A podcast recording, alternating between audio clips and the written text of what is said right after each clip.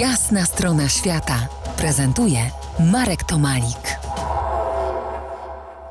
Po jasnej stronie świata Agnieszka Burton, publicystka, reportażystka, obecnie mieszka na ziemi australijskiej. W Melbourne, a skoro mieszkasz także i w moim kiedyś y, Melbourne, to opowiedz nam o niedawnych protestach przeciwko monarchii, o prawa i o prawa aborygenów.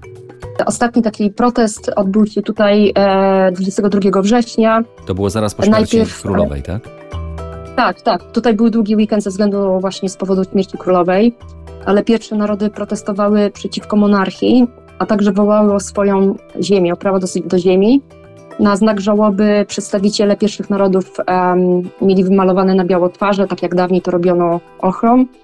Em, czyli tak jakby był to żal nie po śmierci królowej, ale po pierwszych e, narodach, które zginęły w czasie tej wojny granicznej, o której wcześniej wspomniałam w XIX wieku, a także tych, którzy umierają niesprawiedliwie w więzieniach dzisiaj. Więc e, dużo było haseł tego typu, właśnie, że chcemy, chcemy sprawiedliwości, chcemy naszej ziemi. E, ziemia australijska zawsze należała do pierwszych narodów, o tych, o tych, którzy w więzieniach niesprawiedliwie i niepotrzebnie umierają dzisiaj. Do czego to może doprowadzić? Czy Australia ma szansę być y, republiką? Mnie się wydaje, że to niemal pewne, ale chętnie wysłucham Twojej opinii. Czy będzie republiką, Marku?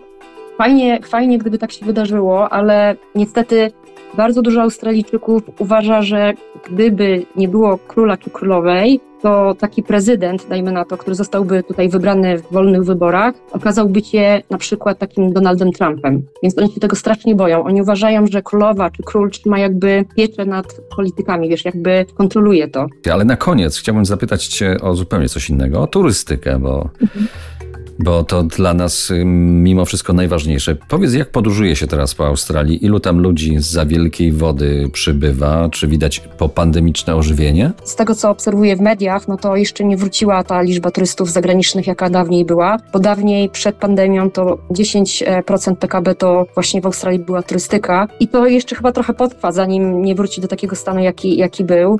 Jak na przykład w maju byłam w Hobart, to jest stolica Tasmanii, w takim hostelu dla backpackersów, czyli takich ludzi podróżujących z plecakiem. Zazwyczaj byłoby tam sporo osób, wiesz, z Anglii, z Europy, ze Stanów i tak dalej, a ja byłam jedyną jakby spoza Australii, reszta to byli Australijczycy podróżujący tutaj po kraju, więc to trochę tak, wiesz, e, zdziwiło mnie, Je- jednak ta turystyka nie odżyła jeszcze, tak, tak jak e, to było dawniej. No, mam nadzieję, że może w przyszłym roku, może jeszcze nie w tym, ale w przyszłym roku spotkamy się.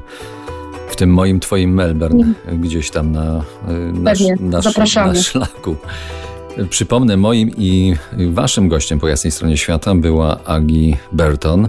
Agi pisze reportaże, teraz pisze książkę. Jak będzie książka gotowa, to będę jednym z pierwszych, który będzie prosił o, o możliwość przeczytania i, i, i myślę, że wrócimy do, do, do, do tych ciekawych wątków, o których dzisiaj rozmawialiśmy. Dziękuję Ci tutaj za Twój czas tam po Ja daleko za, Mhm. y, dla nas. serdecznie dziękuję Marku za rozmowę.